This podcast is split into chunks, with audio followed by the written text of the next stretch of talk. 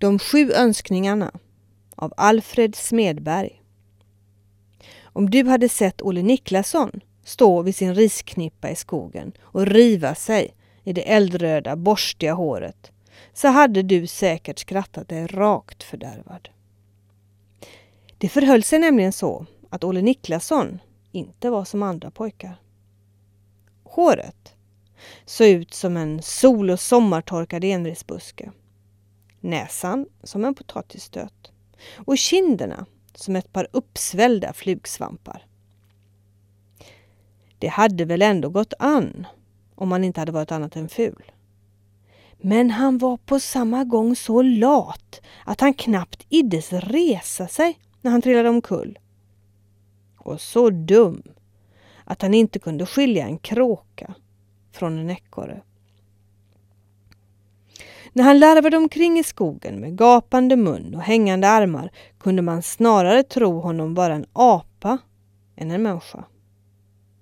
Han var så ful och bar sig så dumt åt att till och med skatorna skrattade åt honom. Nu stod han som sagt vid sin risknippa i skogen och rev sig i huvudet. Knippan var inte större än att en sjuårs pojke skulle kunna springa med den. Men Olle, som var 13 år och stark som en björn, stod en hel timme och funderade på om han skulle orka lyfta upp den på nacken. Som han nu stod där och skubbade och gruvade sig fick han se en huggorm som låg utsträckt på marken helt nära intill honom. Ormen tittade stadigt och skarpt på ett litet föremål som låg ett stycke framför honom. Då Olle såg närmare efter fann han att det var en liten groda och att hon långsamt kröp rakt emot ormens öppna gap. Hade nu Olle inte varit så dum som han var så hade han förstått att ormen med sina skarpa blickar tjusade grodan så att hon inte kunde slita sig lös ur förtrollningen utan måste kräla framåt tills ormen fick henne i sitt gap. Åhå, sa Olle förvånad och gapade på de båda djuren. Men han var för lat för att ta en käpp och slå ihjäl ormen. Men grodan kröp allt närmare och närmare det giftiga gapet.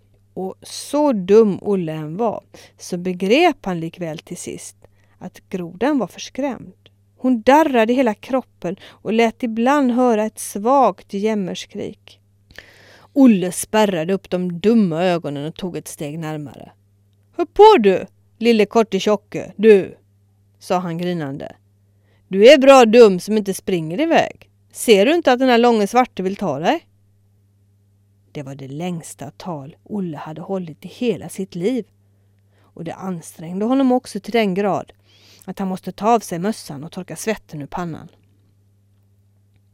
Under tiden kröp grodan alltjämt framåt och slutligen var hon på blott ett stegs avstånd från ormen. Denne höll sina blickar stadigt riktade på henne och den stackars grodan skälvde av fasa och skräck. Då blev Olle arg och tog upp en pinne från marken. Du dumma lilla tjocka kräk, sa han. Ska jag verkligen bli tvungen att hjälpa dig?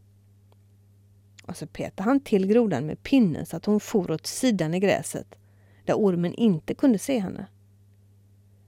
Grodan hoppade raskt undan och kom så upp på Olles risknippa där hon satte sig att titta på Olle med så vackra, talande ögon som om hon riktigt ville tacka sin räddare.